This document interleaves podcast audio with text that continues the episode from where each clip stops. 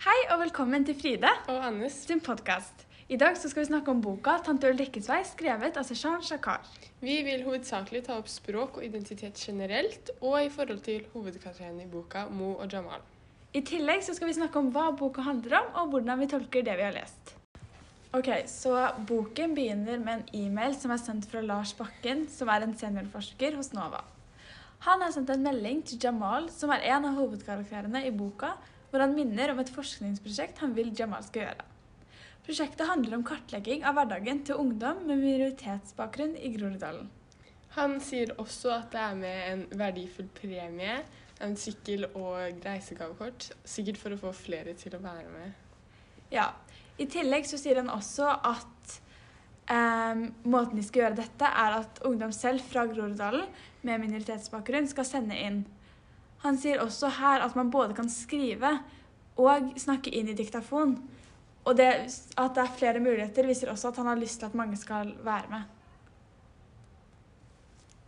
Eh, Jamal har lyst til å være med, men han er ikke så glad i å skrive, og spiller derfor inn stemmen sin på diktafon. Eh, Mo derimot, han har mye tid til overs og er gjerne med, og han elsker å skrive. Så våre to hovedkarakterer er Mo og Jamal.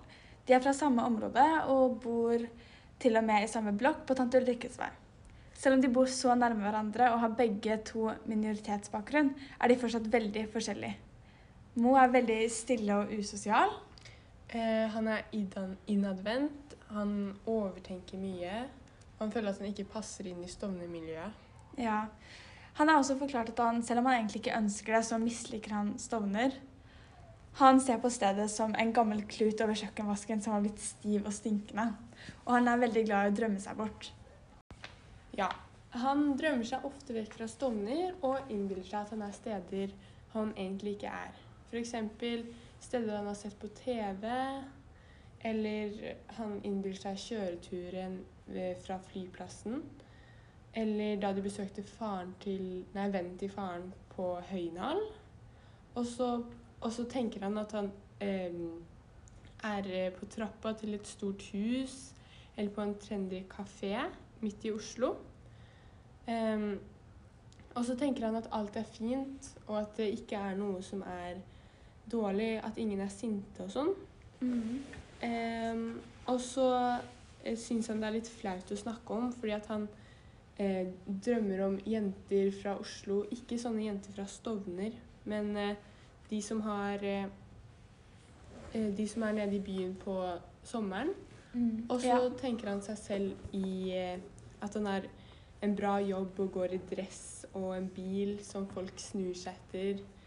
Og eh, han har lært at hvis han skal få til dette, så må han ha gode karakterer og en god utdannelse. Og at han da kan få, få et godt liv utenfor Stovner.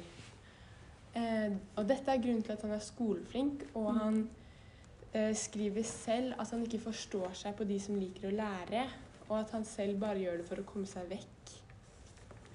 Ja.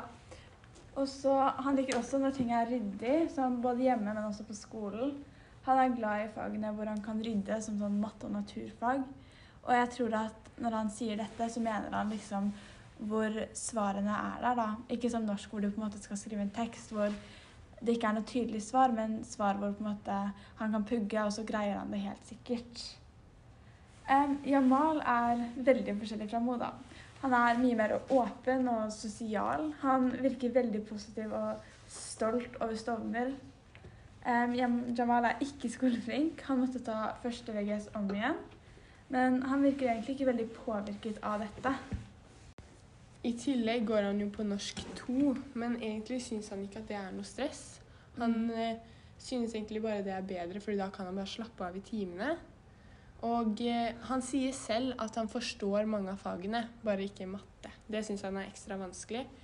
Og eh, ut ifra teksten som vi har lest, kan vi jo eh, forstå at eh, Jamal ikke får noe særlig oppfølging hjemmefra, eller kanskje fra skolen. Ja. Og vi har hørt at moren er syk og ikke får noe hjelp. Ja.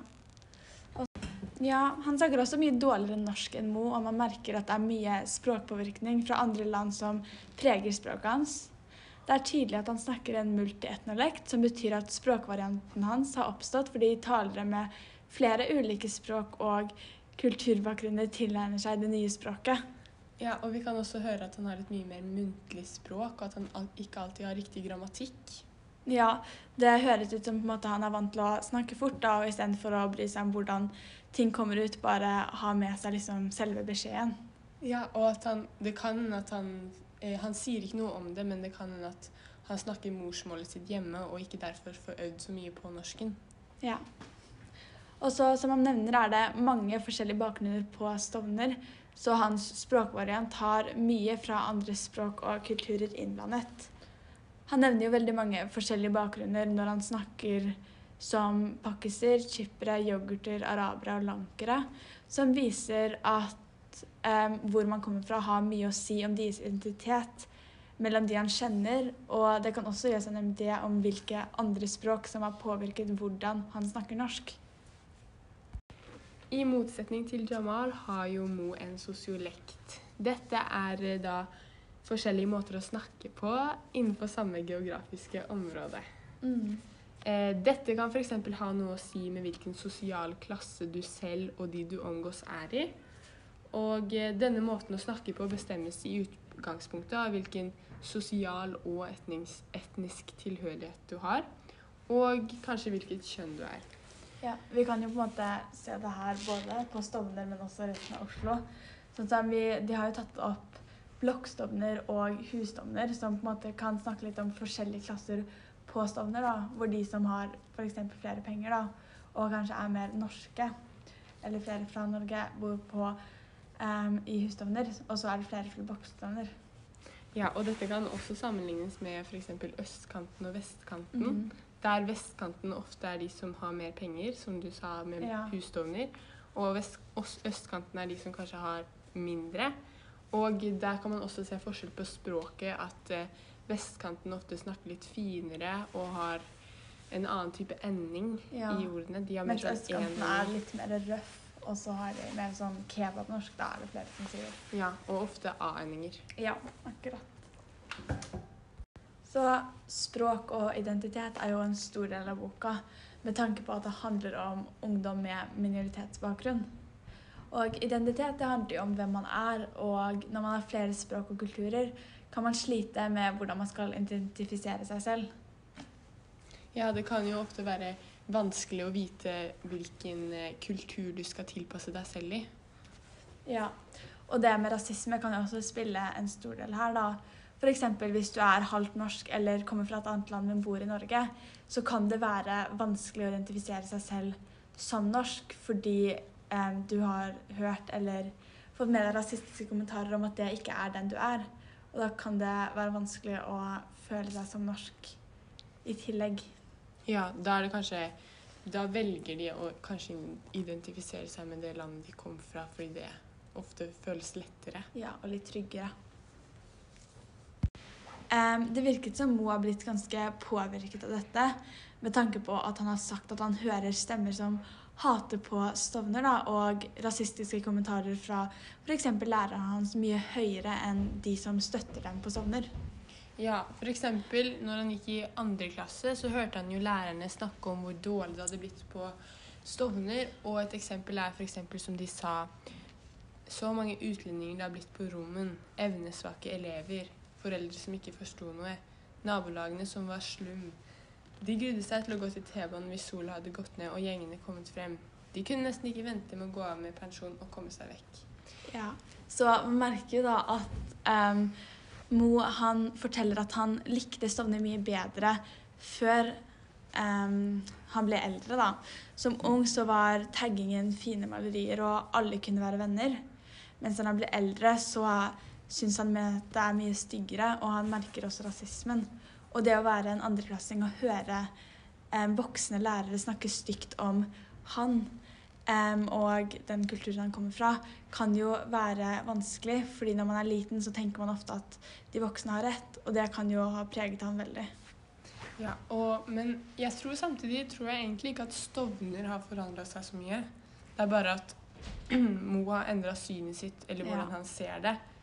Eh, F.eks. etter det han hørte på doen, eller at han har hørt så mye dårlig i media osv. Mm. Em, Jamal da, han virker egentlig ikke veldig påvirket av rasistiske folk eller de rasistiske kommentarene. Han er stolt av Stovner og Tante Ulrikkes vei. Og han virker veldig upåvirket av at han em, forteller seg selv at de bare er teite, for de har ikke vært på Stovner engang, de vet ikke hvordan det er. Og han virker som han har mye mer sterke meninger da, og ikke lar seg påvirke. Ja, som du sa, så er han jo stolt over å bo på Stovner. Og eh, han sier at de alltid stiller opp, og at, eh, at eh, de holder sammen. Ok, så for å oppsummere så handler jo denne boka om to gutter som har minoritetsbakgrunn, eh, som er ungdommer eh, på Stovner. Em, vi leser jo om at de er to veldig forskjellige gutter, selv om de er fra samme sted. Og det er jo veldig interessant med tanke på at det er en ganske stor Stovner-stereotype. At mange tenker at all ungdom på Stovner er like. Ja, som Jamal forteller oss, sier han jo at eh, på Stovner så bor det jo faktisk folk med forskjellige bakgrunner.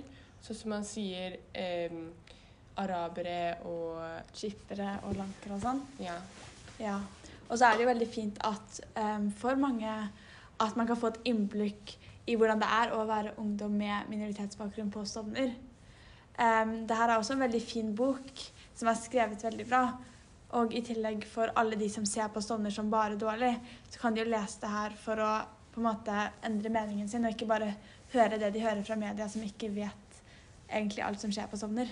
Ja, vi får jo, som du sa, vi får et godt uten inntrykk over hvordan det faktisk er der, av å høre av noen som bor der. Ja, og begge ungdommene snakker jo om at det de sier på media ikke stemmer. Men det er bare så mange som sier det, så det blir jo vanskelig for de få som stiller opp og støtter, å komme gjennom ordentlig. Mm. Vi, får jo, vi får jo liksom høre to forskjellige meninger, der Mo sier at det, det er dårlig at han bare vil vekk derfra, mens Jamal forteller om hvor stolt han er, og hvor bra det er der.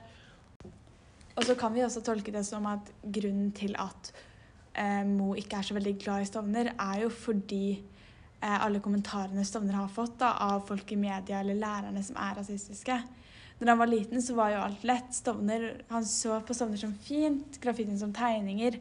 Men etter at han ble eldre, så hørte han liksom alle andre sine dårlige meninger. Og det var derfor han på en måte så Stovner som styggere. Det var jo ikke grunn til at, hvordan folkene var der, men det var for de, de som var på media, sa masse stygt om det. Ja, når han var liten, så kan det hende at han bare lekte og hadde det gøy, og kanskje ikke fikk med seg alt som skjedde, om eh, alle som snakket om hvor dårlig det var. Men etter som du sa, etter når han ble eldre, så hørte han bedre hva de sa, og faktisk hørte det og tok det inn i seg, og ble liksom påvirket av det. Ja, som tidligere sagt er jo språk og identitet en veldig stor del av boka og har mye å si for den. Ja, man, Det man leser, kan jo relateres til mye språk og identitet, som du sier. Det nevnes jo mange forskjellige bakgrunner som finnes på Stovner. Og man hører også multietnolekt når man leser Jamal sine ideer. Jeg har selv lyst til å fortsette å lese boken. Den er veldig interessant, og man kan lære mye av den. Og så er den veldig godt skrevet og gir et veldig godt innblikk av hvordan det er å være ungdom med minoritetsbakgrunn på Stovner. Hva syns du om boken, Anne? Jeg er enig med deg at den er interessant og godt skrevet. Og jeg syns i tillegg at den kanskje kan sette Stovner i et bedre lys mot de som kanskje har fordommer mot Stovner. Eh, Det kan også hjelpe å, å hjelpe folk fra Stovner som kanskje føler seg mindre verdsatt og føler at det er dårlig å være en minoritetsgruppe. At de føler at de passer bedre inn, kanskje. Ja, jeg er helt enig. Eh, Med tanke på at boken har fått så god kritikk og gode tilbakemeldinger, kan den definitivt gjøre mye godt for Stovner og for miljøet og for de som bor der. Og det kan sikkert også lette på ryktene. Men eh, nå er vår podkast over. Tusen takk for at du hørte på Fride Og Anne sin podkast. Ha det!